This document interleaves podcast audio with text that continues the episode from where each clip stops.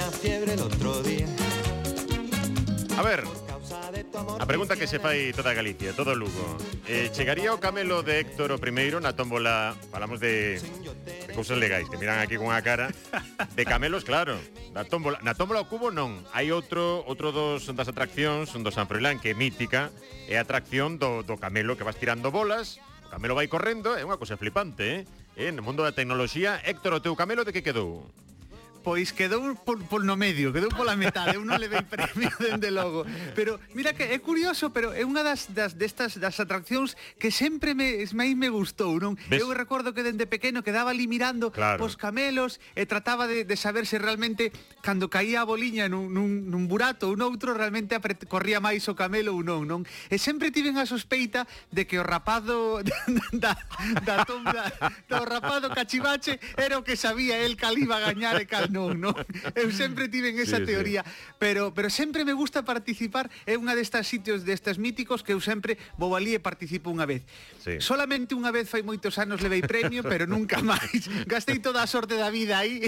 Nese, no, pero fíxate te razón, eh, podemos entrar no mundo das telecomunicacións, videoxogos, pero a cara da Braio, que ten un pequeniño, unha pequeniña, cando ve o xogo este, ver como corren os camelos, é digno de, de observar de compartir. Eu penso que aínda non a perdín eu tampouco, eh, Ves, porque eu quedo claro. ali mirando, sí, sí. Eu sempre participo co, co esa, veña, veña, aí se, ve, se podo tirar a boliña para que caiga no, no que en teoría corre máis, eh, e non me dá tempo, porque se tiro a bola non miro po camelo, se miro claro. po camelo non tiro a bola. Unha presión, porque eh, claro, cantos son? Uns 15 participantes ao mesmo tempo. Son moitísimos. 10 seguro, 10 seguro. Sí, sí. entón estás aí ca bola, ta, ta, ta, eu poñeme super tenso, non sei se tizarlle ca bola ao camelo, se o do lado, claro, unha cousa Vivese cunha claro, tensión encima sempre sempre hai alguén contigo que se di, dalle, dalle, dalle que os outros corren. claro, ti xa non sabes a que atender, non?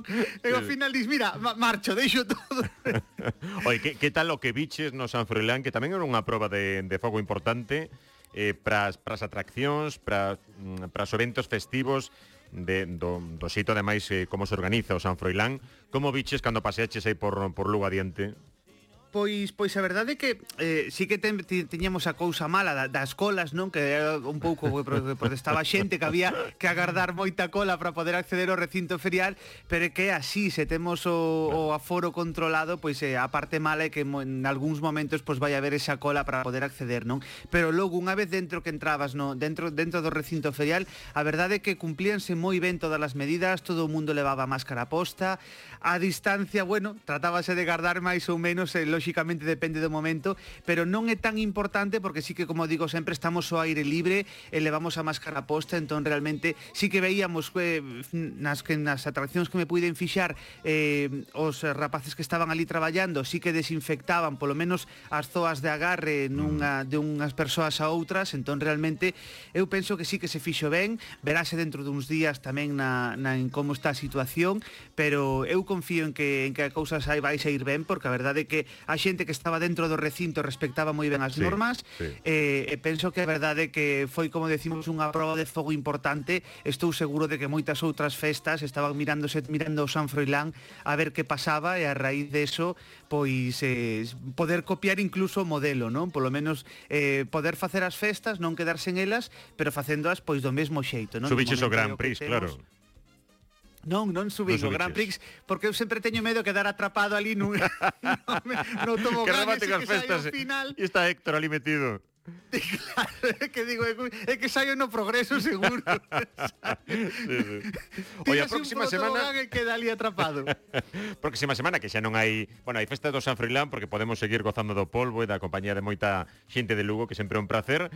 Pero a próxima semana, xa anunciou o presidente da Xunta, Alberto Núñez Feijó, próxima semana decae a situación de emerxencia sanitaria. Non estaremos en emerxencia sanitaria dende marzo do ano pasado.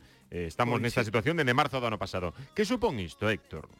Pois levamos 19 meses en esa, nesa situación de emerxencia sanitaria. Realmente, a ver, na práctica, o eh, a xente di, bueno, a, a mí en que me vai cambiar a vida isto, non? Pois realmente, na práctica apenas haberá cambios, o sea, non verá, é case máis un asunto de papeleo que, un, que algo que se vai a notar. Temos que facer papeleo. Na...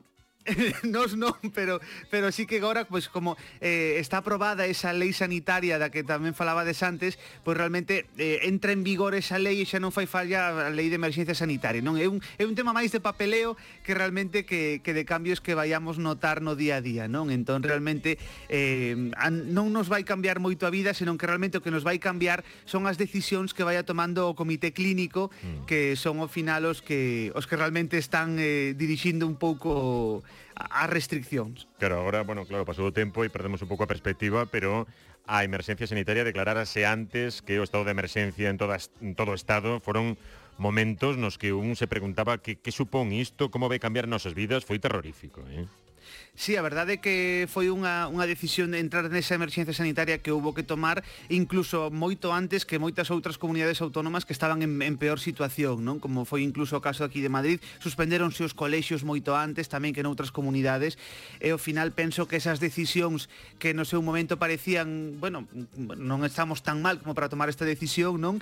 Pero a verdade é que a, a larga veuse que, que, bueno, que foi positivo e afortunadamente aínda que houve moitos falecidos pola pola, COVID en Galicia foi unha das comunidades autónomas nas que menos houbo e nas que a incidencia menos afectou eh, a pesar diso, pois eh, lóxicamente afectou moito, pero aínda así uh -huh. houbo comunidades moito peores. Uh -huh.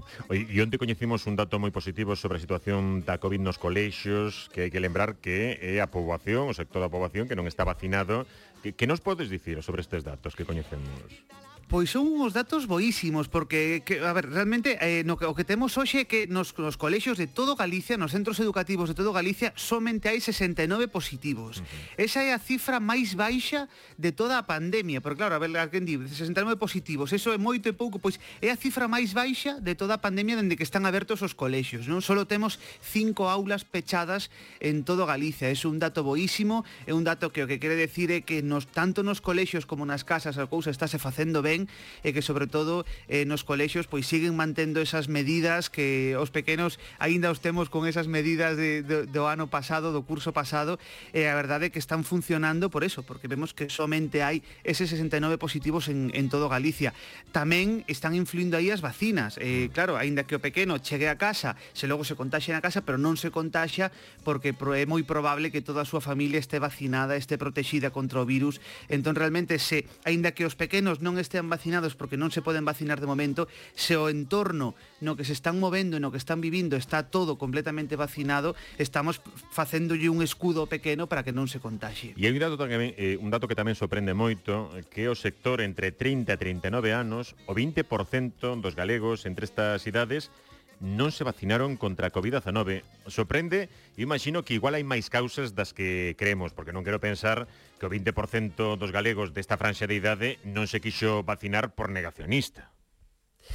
Pois a verdade é que eu non sabería decirche por que por que ese dato, non? Pero sí que é algo que chame moito a atención, porque, por exemplo, pois en outros grupos de idade incluso acabamos o 100% de vacinación, pero é que eh, ese grupo, o grupo de 30 a 39, no que además me incluo eu, eh, non sei por que eh, a xente da, da miña idade pois non se quere vacinar ou non vai a vacinarse ou que está pasando nese grupo de idade, non? Realmente eh, realmente vemos que un, somente un 79,6% si se vacinou cando eh, teñen acceso á vacina porque non é como noutras épocas en que, bueno, despisteime, non me acordei, estou agardando que me den cita, estou de vacacións.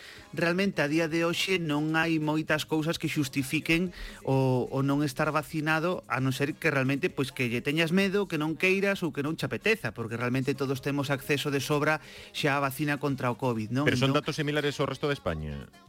Pois é que no resto de España a media ainda é peor, porque no, no grupo ese de, de 30 a 39 anos hai un 25% que, que non está vacinado. Entón é o grupo de, de idade no que temos unha taxa de, de non vacinación máis alta que ese 25% de media en toda España e, bueno, afortunadamente en Galicia non é o 25 e un pouquiño menos é o 20,4 pero, pero sí que é curioso que nesa franxa de idade é onde estea o, o grosso da xente pois que non foi a vacinarse.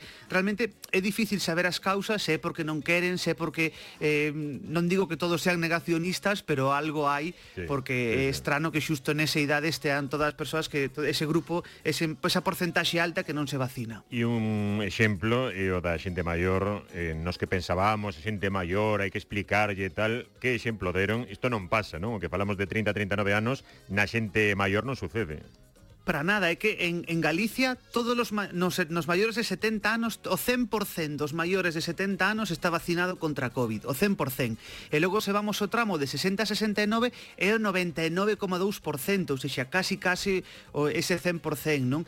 Pero sí que logo despois baixe un pouquiño, pero é que é curioso que cando chega a 30 39 quedase no 79%, sin embargo, de 20 a 29, o 83% sí está vacinado. Entón, uh -huh. é o grupo de idade no que están aí a xente pois con máis dúbidas ou non sei, é, é curioso o, de, o desa franxa de idade, dende logo. Oi, hai tempo que non abrimos sección trolas coronavíricas. Coronavíricas. Imos coronavíricas. A... Temos que abrila, como hai que abrila. Trolas coronavíricas. Oxe, o extraño caso dos vacinados con sangue sucio.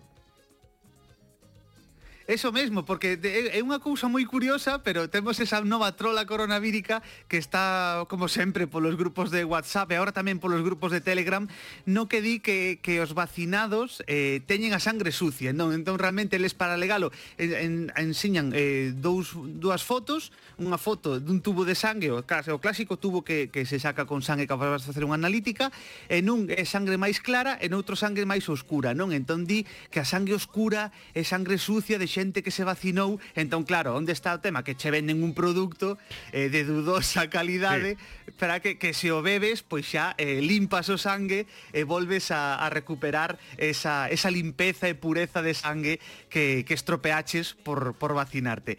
Unha trola coronavica sen fundamento ningún, unha tontería que o que busca é vender ese, ese producto, dende logo. Marchamos con algo de música. Veña, perfecto. Que te vexo pues... tan pois rumboso, tanto San Froilán, Pois marchamos co tema, se che parece, co tema Walls de Tom Petty.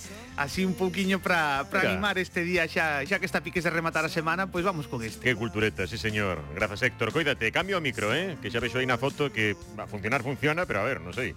Necesitamos un nivel nesta sección. Vou ter que ir a tómbola outra vez a ver se me toca algo.